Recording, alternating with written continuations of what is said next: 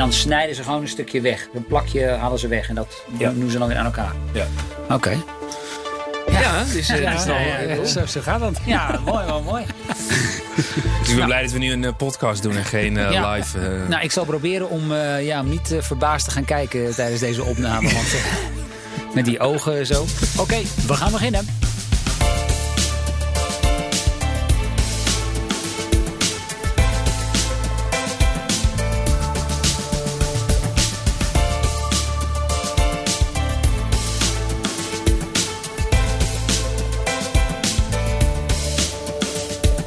Is BNR's Baanbrekende Businessmodellen, aflevering nummer 18. De podcast waarin we praten met bedrijven die zichzelf opnieuw uitvinden en nieuwkomers die bestaande markten opschudden. Ik ben John van Schagen en Patrick van der Pijl is zoals altijd ook weer van de partij. Patrick, ben jij een beetje sportief aangelegd? Ja, onwijs. Ik heb een ehm, abonnement op de sportschool. Alleen wat me de laatste tijd is opgevallen, eh, ik kom daar niet meer binnen om de een of andere reden. Een of andere duistere reden. Ja, en dus normaal- daarvoor, toen je nog wel, zeg maar, toen je nog open was, was je dan wel een frequente sporter? Nou, dan eh, had ik geen hele goede reden om eh, te vertellen dat ik een abonnement heb op de sportschool. Ja. Oké, ja. En dat is wel aardig dat je dat zegt, want daar gaan we het zo meteen ook nog over hebben. Hè. Dat is echt wel ook een, eh, een stukje van het verdienmodel van veel sportscholen. Want dat is ook de branche waar we vandaag gaan induiken. Onze gast die timmert al jarenlang flink aan de weg met een propositie. Ja, die toch wel heel veel mensen best fijn in de oren klinkt. 20 minuten sporten, niets weten en toch fit worden. Walter Vendel van Fit20. Ja, Welkom. Dankjewel. Hoe vaak hoor jij van mensen ah, wat jij zegt? Dat kan helemaal niet. eh, iedere keer. Ja. en dan moet je het steeds weer uitleggen. Ja, tuurlijk. Want dan- hoe werkt het? Nou, het werkt bij ons. Eigenlijk, je hebt, zeg maar, ik zeg altijd, je hebt heel veel wegen naar Rome. En je moet gewoon de weg nemen die bij jou past. Maar wij doen de meest tijds, tijdsefficiënte manier met resultaat. En eh, wij zien onszelf dus eigenlijk als een preventieve gezondheidsdienst. Dus niet als een sport. Want een sport doe je voor de leuk. Weet je, dus je gaat golf of hockey of tennis, whatever. Omdat je eh, lol in het spelletje hebt. En wij zijn dus geen sport, maar je moet het zien als exercise. Of in Nederland zou je zeggen oefening. Klinkt wat minder hè, goed dan in het Engels. Maar het komt er neer dat je gewoon aan je lichaam moet je werken. Als je dat na je 25ste een beetje in stand wil houden. Want anders ga je langzaam downhill. Maar Ja. ik voelde nu gaan wel stukjes op zijn plek komen. Want ik als maar denk in die sportschool dat het leuk moet zijn. Dat is dus niet volledig dat is dus- weggenomen. Ja. Dat is het dus niet. Ehm, het is een één op één training. Ik kan mijn kleren aanhouden, mijn gewone kleren. Ja. Eh, ik ga niets weten en toch word ik sterker, gespierder. Klopt. Eh, voordat we, eh, we hoeven niet heel erg de diepte in te duiken, Nee. maar hoe werkt dat? Nou, het werkt eigenlijk heel simpel. Jouw lichaam werkt net zoals de economie op basis van vraag en aanbod. Dus als je niks van je lichaam vraagt, dan doet het ook niks. En dan betekent het dus na je 25ste ga je langzaam achteruit. Dus je moet wat wij noemen een trainingsprikkel toedienen. En dat betekent dat je eigenlijk je spieren naar hun limiet moet brengen. Want dat maakt ze wakker als het ware. Van hé, hey, er moet wat gebeuren. En de kunst is dus om dat op een veilige en effectieve manier te doen. En dat doen wij dus onder persoonlijke begeleiding. Want je hebt eigenlijk, wat ik altijd zeg, die vriendelijke krokodil naast je nodig. Want we zijn voor onszelf altijd net iets te lief, weet Ja. je. Dus je stopt net iets te snel. En dan heb je weer die 80-20 regel. Je krijgt pas echt het resultaat als je die laatste herhaling doet. Die je in je kop zegt, die kan niet. Maar die kan natuurlijk wel. Want toen ik het zelf leerde, zei de man waar in New York waar ik bij was, die zei: Well, Walter, you've got to do it like people put someone a gun on your head. And if you really can't do it anymore, then, Then do it. then you've reached the limit. Want het is eigenlijk een soort. Ik weet niet of jij de filmpjes hebt gezien hoor, eh, Patrick. Maar het is eigenlijk een soort ja, sporten in slow motion. Ja, heel exact. ik, ik zag wel een ander beeld al voor me met Ronaldo ook. Weet je. Die ging dan met zo'n ding om zijn buikspieren heen zitten. En dan Ja. ging dat met een eh, batterijtje eh, dingen doen. Oh, dat is het niet, hè? Nee, nee, nee. Dat nee. is het niet, nee. Nee, je moet dus echt wat doen. Dus je, je brengt je limiet, eh, je brengt je spier echt even naar de limit. Maar omdat je het in slow motion doet, ga je niet zweten. Dus, Oh. dus dat is het hele aparte voor dat, mensen. dat staat jou geloof ik wel aan, hè? Nou, ik dacht al, eh, er komt iemand bezweet 's ochtends je kantoor binnen. Dat je denkt, ben jij naar de sportschool geweest? Zegt hij nee, maar ik ben bij Walter geweest. Maar ja, eh, precies. nu snap ik het niet zweten. ja, Ja. ja. Ja, Hey, en Patrick, jij bent ehm, ja, in die wereld gedoken van de fitnessindustrie. Eh, je hebt daar een aantal businessmodellen eh, gezien. Die wil ik zo meteen van je weten. Want ehm, ik wil eerst even onze luisteraars nog iets gaan vertellen over onze partner. Het bedrijf dat deze podcastreeks mede mogelijk maakt. En dat gaat natuurlijk over Salesforce. Want zij stellen ook tijdens een crisis bedrijven in staat om in contact te blijven met hun klanten. En dat is dan onafhankelijk van de grootte of de branche. En daarvoor hebben zij een product, Salesforce Customer 360. Dat brengt alle afdelingen samen op één krachtig platform, waardoor je medewerkers dus vanaf elke locatie als één team samen kunnen werken. Nou, daarmee kun je je bedrijf stabiliseren, heropenen en hopelijk ook weer snel laten groeien. En dan nu inderdaad die businessmodellen in de fitnessindustrie. Patrick, wat kom jij zoal tegen? Ja, in de fitnessindustrie heb je de volgende modellen. Dus het meest bekende model is het membership model, oftewel abonnementen. En dat zijn dan um, zeg maar in de hogere categorie, zeg maar een Arie Boomsma met zijn Vondel uh, gym. En dan heb je zeg maar in de lagere uh, regionen zeg maar de Basic Fit van René ja. Moos. Uh, dat is eigenlijk gewoon veel abonnementen verkopen. 25 euro per maand meestal, zoiets. Ja, ja. En dat, dat, maar dat loopt op naar hogere bedragen. het andere model is dat je eigenlijk betaalt voor gebruik. Uh, dus dat je betaalt voor specifieke, dat kan wel wel een, uh, een privé training zijn, maar dat kan ook uh, klasjes zijn. Um, of nou, noem maar wat je dan in die sport wilt gaan doen. Dus dat ze eigenlijk meer betalen voor het gebruik. En daarnaast heb je ook een combinatie daarvan. Dus je kunt ook naar sommige sportscholen die een bepaalde drempel aanbieden van uh, dienstverlening. En dan zeggen ze nou, als je dan die klasje wilt volgen of zeg maar een privé trainer, dan betaal je iets extra's. Dus dat is, dat is de mix. En je hebt nu ook een model wat um, recent is geïntroduceerd. En dat heet ClassPass.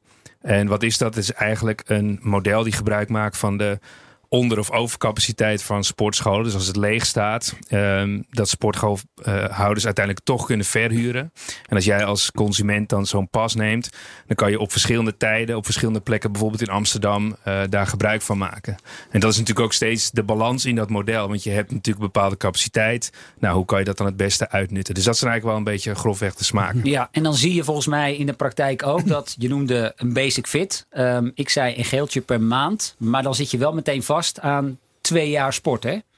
Ja, alleen je ziet wel dat die modellen wat vriendelijker beginnen te worden hoor. Dus um, dat je ook wel per maand zou kunnen opzeggen. En dat er veel meer een soort uh, beloning zit op het ja. feit dat je langer aan boord blijft. Okay. Um, want in het verleden was het wel een stukje onvriendelijker. Maar je ziet dat dat niet meer houdbaar is. Ja, ja. en dan hebben we dus het businessmodel van jou, Walter. Ja.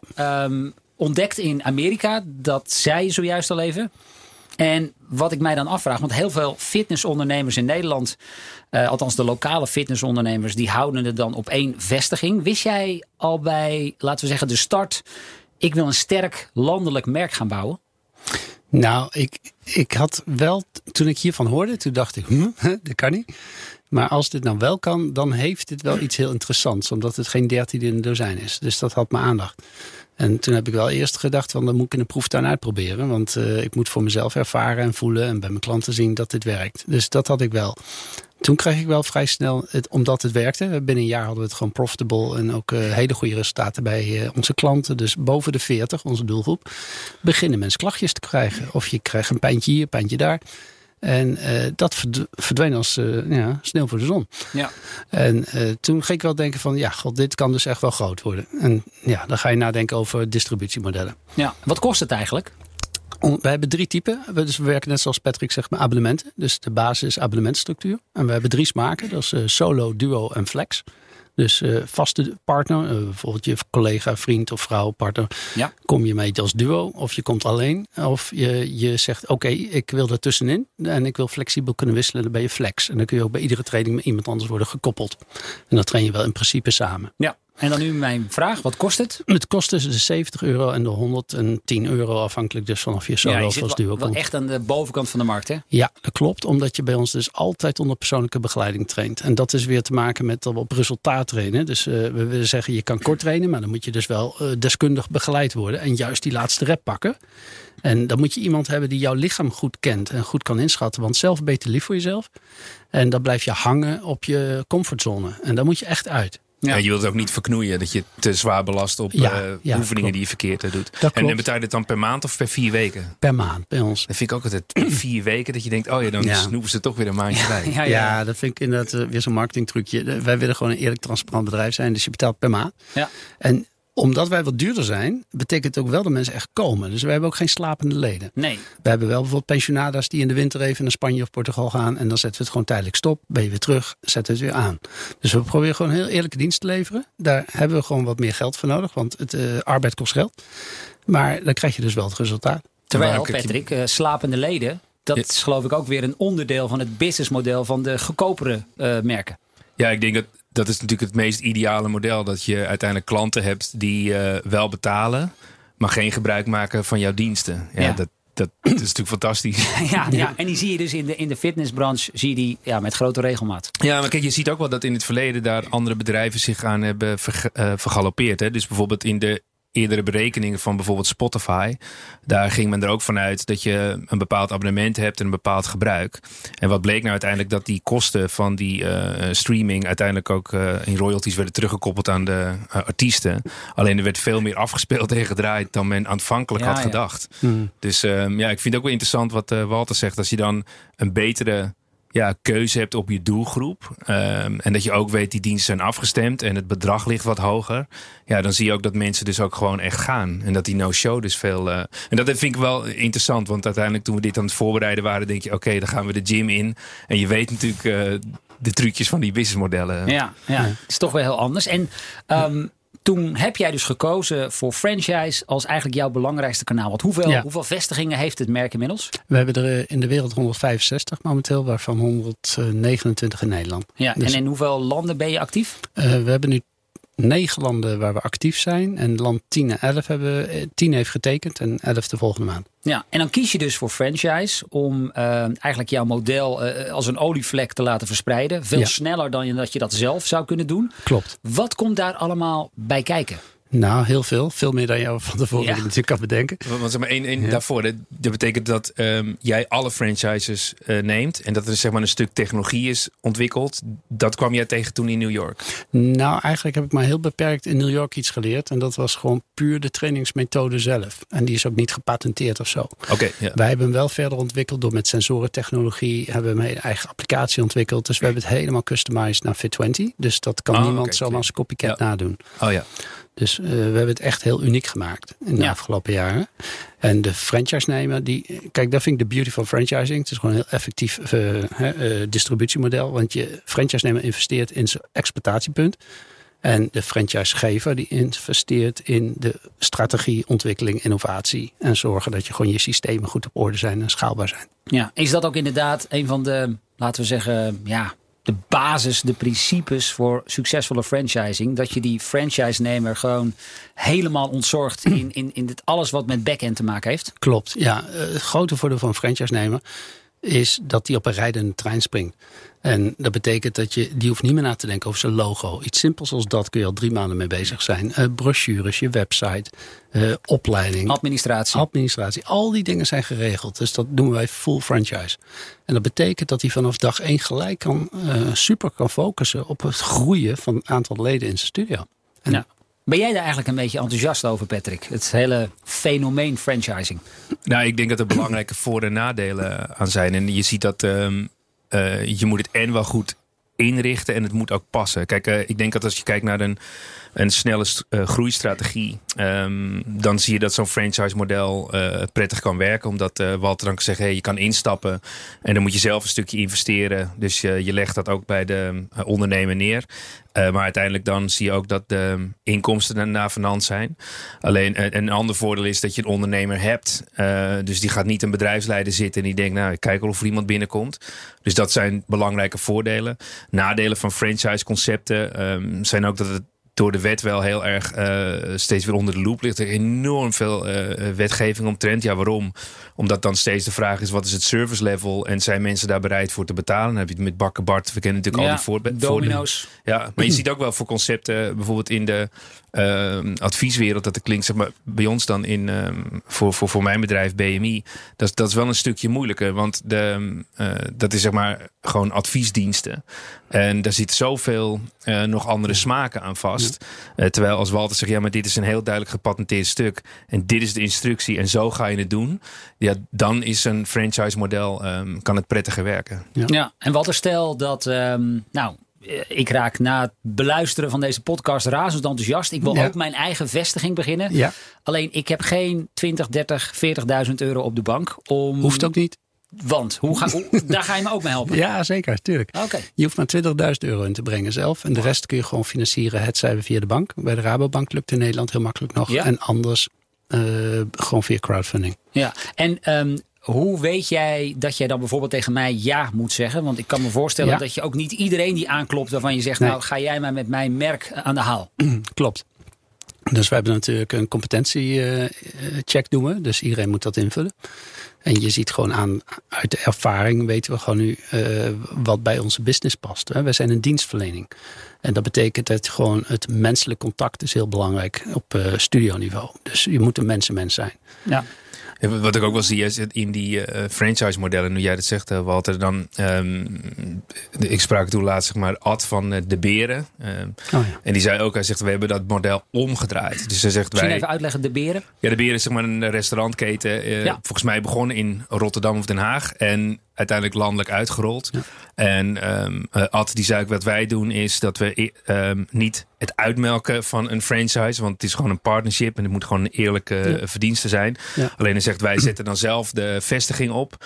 Eh, we zorgen dat het helemaal draait volgens onze eh, maatregelen en dan zetten we een franchise-nemer in en die kan het ook nog bij ons eh, financieren. En denk je, oh dat klinkt uiteindelijk veel vriendelijker, maar dat is ook voor het merk veel veiliger, omdat Ja. je dan eh, geen partijen hebt of ondernemers die het niet snappen of Nee. die zich een fiasco. Dat eh, klinkt echt als een gespreid bedje. Ja, ja. Ja. En dat is ook wat jij. Nou, wij, Biedt? bieden, wij bieden dat vanaf nu ook. Dat noemen wij vanuit een talentpool. Dus Hebben we dan je- een scoop? Daar lijkt het wel op. dat je het vanaf nu aanbiedt. Ja, nee, de- de- we, we hebben tot nu toe eigenlijk altijd relatief makkelijk franchise-nemers gevonden. En wij prefereren dat nog steeds. Dat iemand kiest om te ondernemen, maar wel binnen de, par- onder de paraplu van een franchise-model. En dan kun je gelijk focussen op de executie. Maar je hebt natuurlijk mensen die wel talent hebben, maar nog niet het geld. Omdat ze net van school komen of hè, wat, wat er ook. En die mensen willen wel een kans geven. Dus die kunnen inderdaad starten bij ons als een studio manager in een studio die we zelf opzetten. En dan kunnen ze die op een gegeven moment overnemen. En wanneer is zo'n studio interessant om een, een, een goed inkomen uit te halen? Heb je dan, Ja. Kijken jullie dan naar het aantal leden of moet Ja. je dan meer vestigingen hebben? Nee, wij hebben een heel simpel businessmodel eigenlijk. Dus gewoon als je kijkt naar een studio, dan kun je zeg maar eh, groeien naar 100 leden en dan verdien je gewoon modaal inkomen. Groei je naar 200 leden, verdien je twee keer modaal inkomen. Dan kun je je studio naar maximaal ongeveer 300 leden groeien. Dat alles op één studio in relatief heel korte tijd. Dan kun je binnen twee jaar voor elkaar En hoeveel krijgen. vierkante meter is dat? 80. 80. Dus daardoor Oh, kunnen dat is wij wel wat kleiner dan een gemiddelde sportschool. super klein. Ja. Dus wij zijn ook geen sportschool, hè? Dat, dat blijven we Oh ja, zeggen. dat, mag, dat mag ik niet zeggen. Dat mag ik niet zeggen. We zijn een preventieve gezondheidsdienst in de studio. En eh, die, het, wij zijn dus hyper gefocust op wat de activiteit die wij doen. Daar willen we echt gewoon expert in zijn. Maar de applicatie van onze formule die is super breed. Dus wij kunnen in een gezondheidscentrum, in een winkelcentrum, in een business, eh, verzamelpand. Zoals hier het Amstelgebouw bijvoorbeeld, noem maar iets. En, en je kan dus ook gewoon in een winkelstraat gaan zitten. Anywhere. Of Ja. bij een groot bedrijf ben. Hey, en dan ben ik toch benieuwd, want eh, de grote uitdaging voor ondernemers die net beginnen eigenlijk, dat ja, klanten. Hoe kom ik aan klanten? Ja. Nou, jullie, hebben, jullie zien dat keer op keer. Eh, Ja. Ga je mij dat ook vertellen, hoe ik dat tuurlijk. moet doen? Ja, inderdaad. Daar hebben we een growth dashboard voor. Dus daarin staan eigenlijk alle on- en offline eh, acties die je kan doen op studioniveau. Die lokaal gericht zijn. Zodat je heel snel kan groeien. En daarin hebben we natuurlijk ervaring. En ja, je kent dat verhaal wel van de seven touchpoints. Dus je moet gewoon zeven keer gezien zijn voordat iemand uit de stoel komt. Ja. Dus eh, dat lukt je niet met op één paard wedden. Dus je moet gewoon echt meerdere dingen tegelijk doen. En dat doen we dus eigenlijk eh, heel goed. En daar heb je dat lokale ondernemerschap ook wel voor nodig. Want je moet bijvoorbeeld, simpel voorbeeldje, je moet even lid worden van de lokale businessclub. Want daar zitten ondernemers, dat zijn je potentiële klanten. Dan moet je pitchen. En dan moet je ze uitnodigen, et cetera. En dan gaat het balletje heel snel rollen. En bijvoorbeeld een lobby bij verzekeraars, om te zeggen wat je ook Ja. aangaf, het preventieve stuk. Dat doe ik al een jaartje zelf. En eh, dat is echt Tot op lang en leuk succes. ademwerk. Niet met heel veel succes aan je hoofd te zien. Nee, dat is vreselijk. Die, iedereen eh, bepleit op eh, tv en in de spotjes dat ze gewoon aan preventie aandacht geven. Maar de, de waarheid is dat, eh, dat dat gewoon niet zo is. Je luistert naar BNR's Baanbrekende Businessmodellen. De podcastreeks waarin we het businessmodel van bedrijven ontleden en ontrafelen. Mijn naam is John van Schagen. En ik ben Patrick van der Pijl. En onze gast is Walter Vendel, de man die Fit20 naar Nederland haalde. Een Amerikaans fitnessconcept waarbij je zonder te zweten toch aan je conditie werkt. Ik mag het geen sportschool noemen, weet ik inmiddels. Zometeen praten we verder.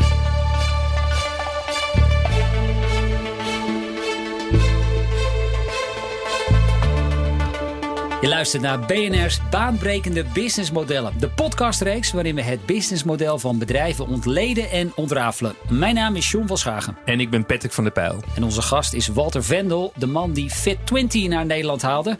Een Amerikaans fitnessconcept waarbij je zonder te zweten toch aan je conditie werkt. Ik mag het geen sportschool noemen, weet ik inmiddels. Zometeen praten we verder. Wat komt er nu weer uit de oude doos? Maar eerst gaan Patrick en ik terug naar een beroemd moment, een speciale ondernemer of grappige anekdote uit vroegere tijden. Patrick, wat is jouw oude doos voor vandaag? Ja, ik neem je mee naar eind jaren 30 in Auckland in Nieuw-Zeeland. En ehm, daar was Leslie geboren. En uh, Leslie die werd uh, bekend uh, sportman en bij de Commonwealth ging hij discus gooien en dat leverde goud op. Um, en dat was inmiddels dan ergens in de jaren 50. Ja. En toen is hij ook zijn sportschool begonnen. En zijn zoon, die in 1955 geboren was, die Philip, die uh, heeft het overgenomen. En kijk, daar komt hij. Les Mills. Mills. Ja, ik dacht het al, ja. En uh, uiteindelijk hadden ze de sportscholen verkocht. Maar toen zei zoon, ik koop ze weer terug. Maar die ging in de jaren 80 een concept ontwikkelen. Omdat ze vonden dat mensen uiteindelijk de oefeningen allemaal niet echt heel erg goed deden. En dat rolde eigenlijk uit naar een soort uh, ja, de inventie of de uitvinding van uh, Body Pump. Het eerste ja. programma van uh, Les Mills. Ja, en wat zij aanbieden is een nou, echt wel kwalitatief ook mooi programma. Ehm, en wat zij daarbij doen is dat ze de instructeurs ondersteunen met die, ja, met die dienstverlening en, en die video's en die instructies. Ja. Dus je kan lid worden. Dan moet je, je kan een diploma krijgen als instructeur. Sportscholen kunnen zich daarvoor aanmelden. En uiteindelijk in de klas krijg je ook echt uh, bodypump lessen voor jou en mij als consument. Nou, en inmiddels zie je dat het bedrijf uh, zich uitgebreid heeft naar ongeveer 150 miljoen omzet.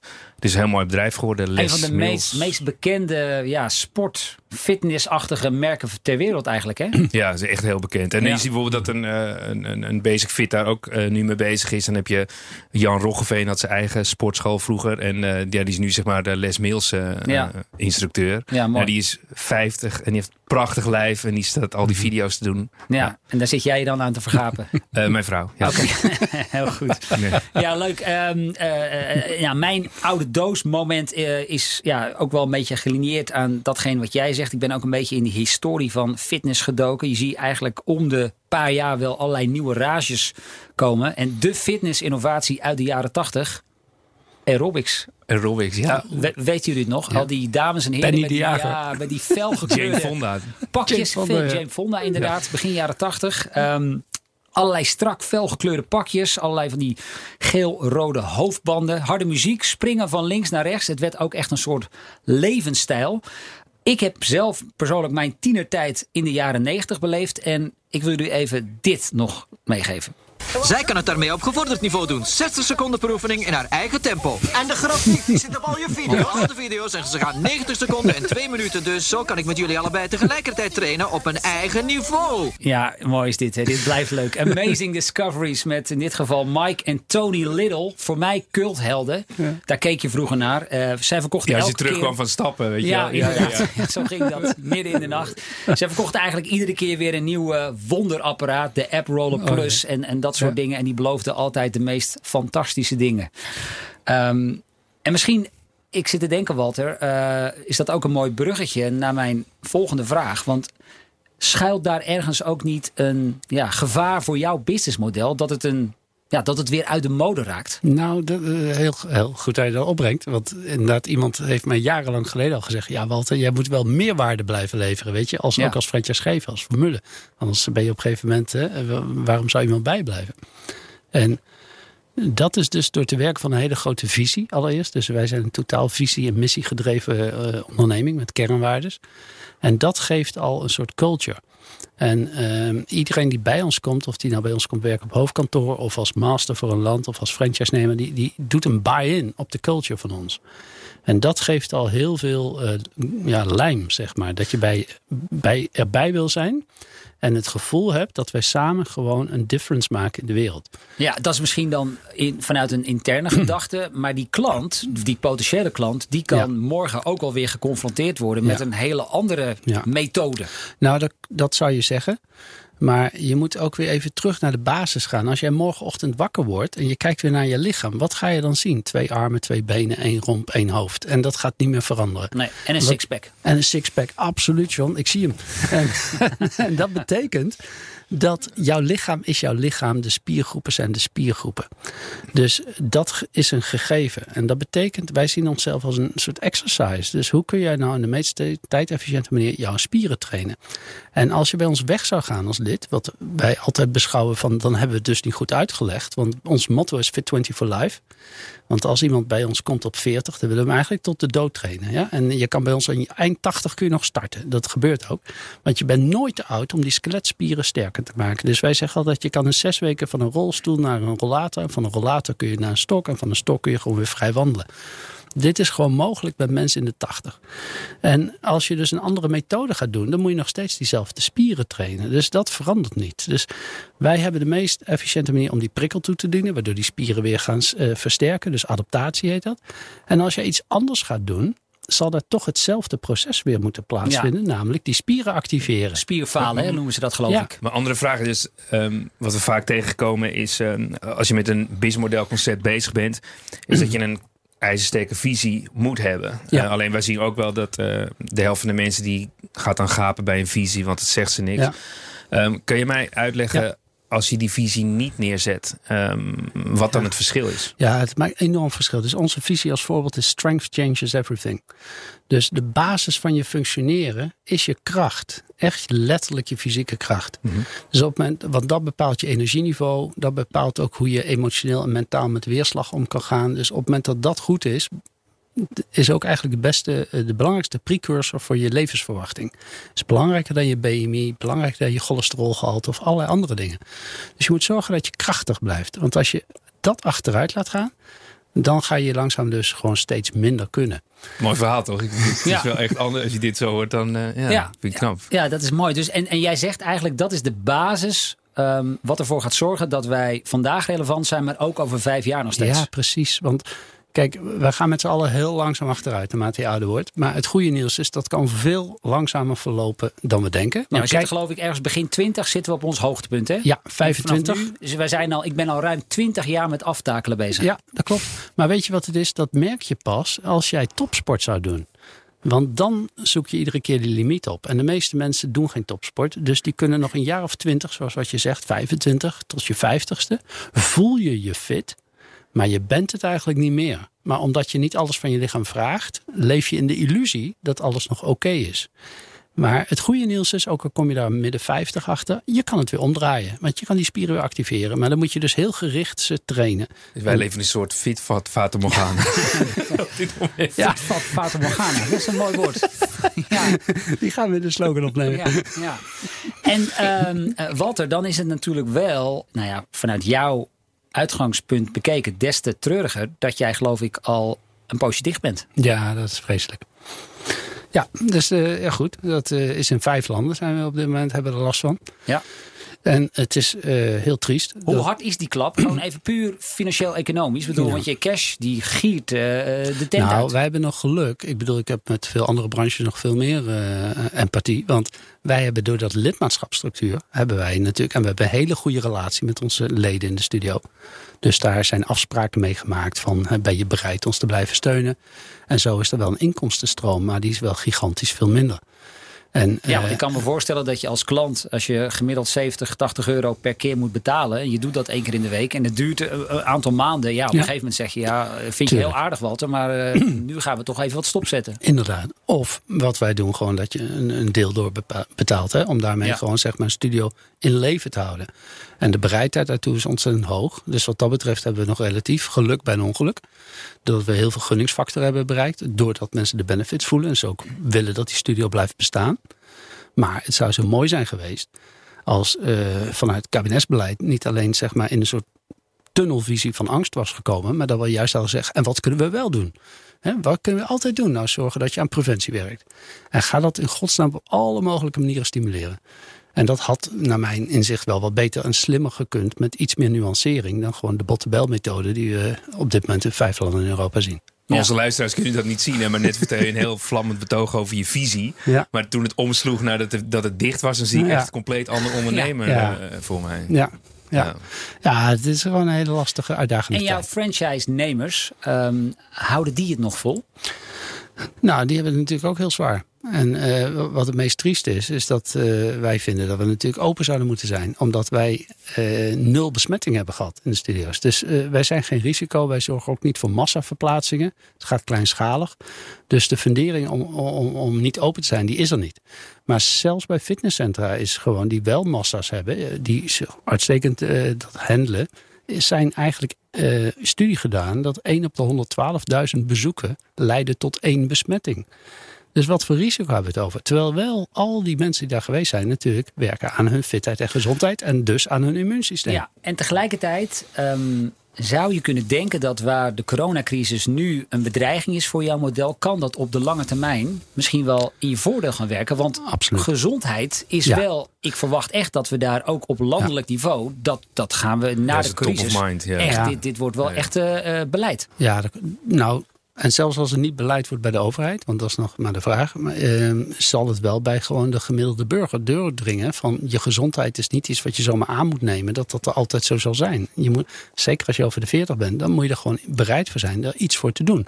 Want we zeggen altijd, je gezondheid is je grootste goed, zolang het maar gratis is en je er niks voor hoeft te doen.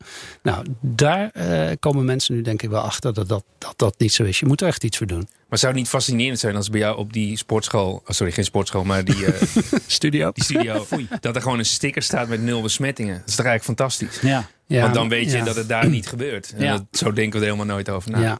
Ik heb een sportschool bij mij in de buurt en die verhuurt een deel van zijn apparaten nu aan mensen thuis. Is, is dat iets wat ook nog bij Nou. dat idee bij jullie opgekomen? Ja, je- weet je, één apparaat, kost, eh, één apparaat weegt 250 kilo. Dus dan, Ja, dan. En, en verplaatsen is niet goed voor een apparaat. Ik bedoel, we hebben nu er een paar in een tent buiten staan. Eh, maar dat zijn allemaal dingen, dat is om te huilen. Ik zie alweer de commercial. Het is fantastisch. Het is maar 250 kilo. It's amazing discovery.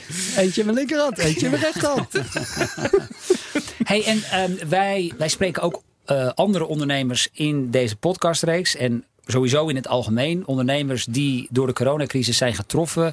Daarvan zie je ook dat ze andere manieren vinden. Ehm, Ja. En volgens mij, jij ziet ook een mogelijkheid om Ja. jouw zogeheten in-company concept, om dat verder uit te breiden. Ja, dat klopt. Wij, eh, toen we begonnen deden we wat we noemen public studios. Dus gewoon openbaar voor eh, particuliere ZZP'ers, MKB-bedrijven. En daarna zijn we eh, na een paar jaar ook bij grote ondernemingen in company gegaan. Dus denk aan bedrijven als Siemens en dergelijke.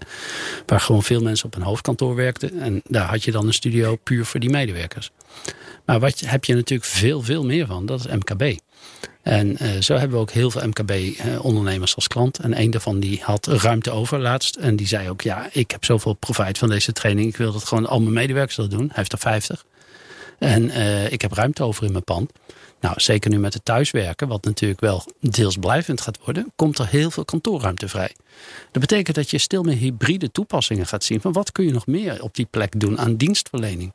En zo willen wij Fit20 echt embedden in eigenlijk ondernemend Nederland. Dus een MKB-ondernemer die kan daarmee in één klap zorgen dat zijn personeel fit blijft. Want je medewerkers is je meest duurzame asset van je bedrijf. Dus daar kunnen wij mee helpen. En hij kan ook naar de community om zich heen iets goeds doen door gewoon dat beschikbaar te stellen. Dus daar kan hij ook mee scoren. Ja. Patrick, jij zit geloof ik in de kauwgomballenfabriek. Ja. Een soort eh, bedrijfsverzamelpand eh, Ja. met meerdere bedrijven. Zou het iets kunnen zijn? Zou dit concept kunnen werken? Misschien niet alleen voor jouw eigen bedrijf, maar meer voor de, alle bedrijven die daar, eh, daarin actief zijn.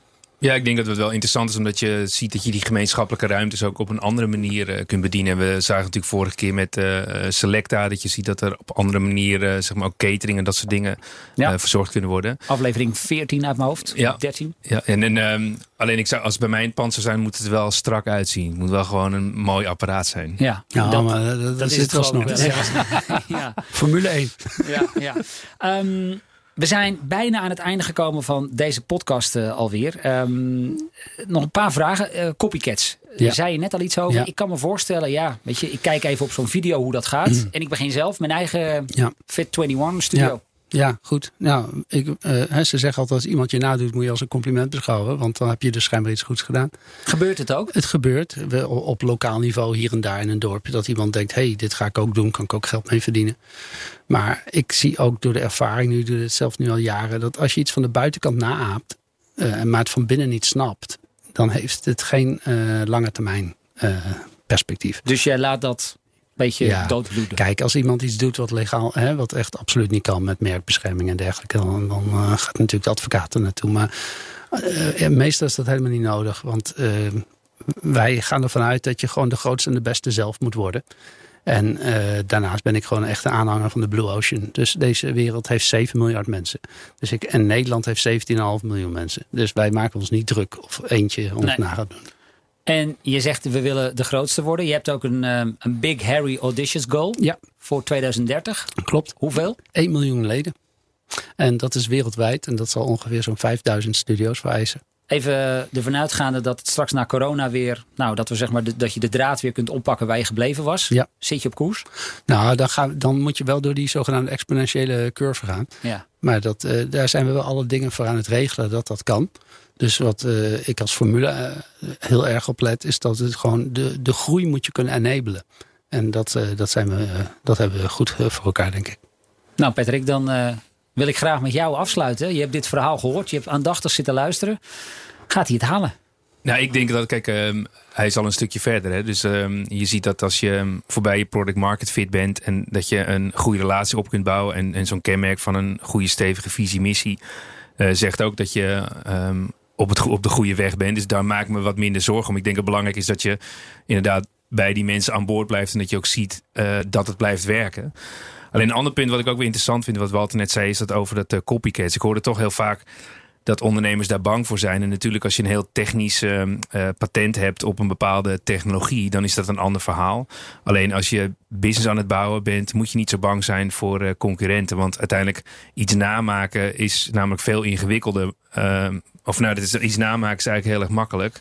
Alleen een duurzaam bedrijf bouwen is veel moeilijker. En ik denk dat alleen maar een ondernemer dat kan vertellen die die route heeft eh, inge- eh, ingevuld. Dus ehm, daar zou ik me inderdaad ook nooit zo druk eh, over maken. Het gaat echt over lange termijn. En ik denk wel dat dit echt een interessant alternatief is. Omdat je ook niet op dezelfde doelgroep mikt als je het kijkt naar zo'n sportschool. Dus dit is gewoon een andere doelgroep bedienen met een ander verhaal. Dus ik denk dat met name het verhaal het belangrijkste is om hier eh, ja, de doelgroepen aan te gaan sluiten. Walter eh, Vendel van Fit20, dankjewel. Ehm, leuk dat je er was. Volgende week dan zijn we er weer. En dan duiken Patrick en ik in het businessmodel van de online betaalservers Molly. Wordt interessant. Absoluut.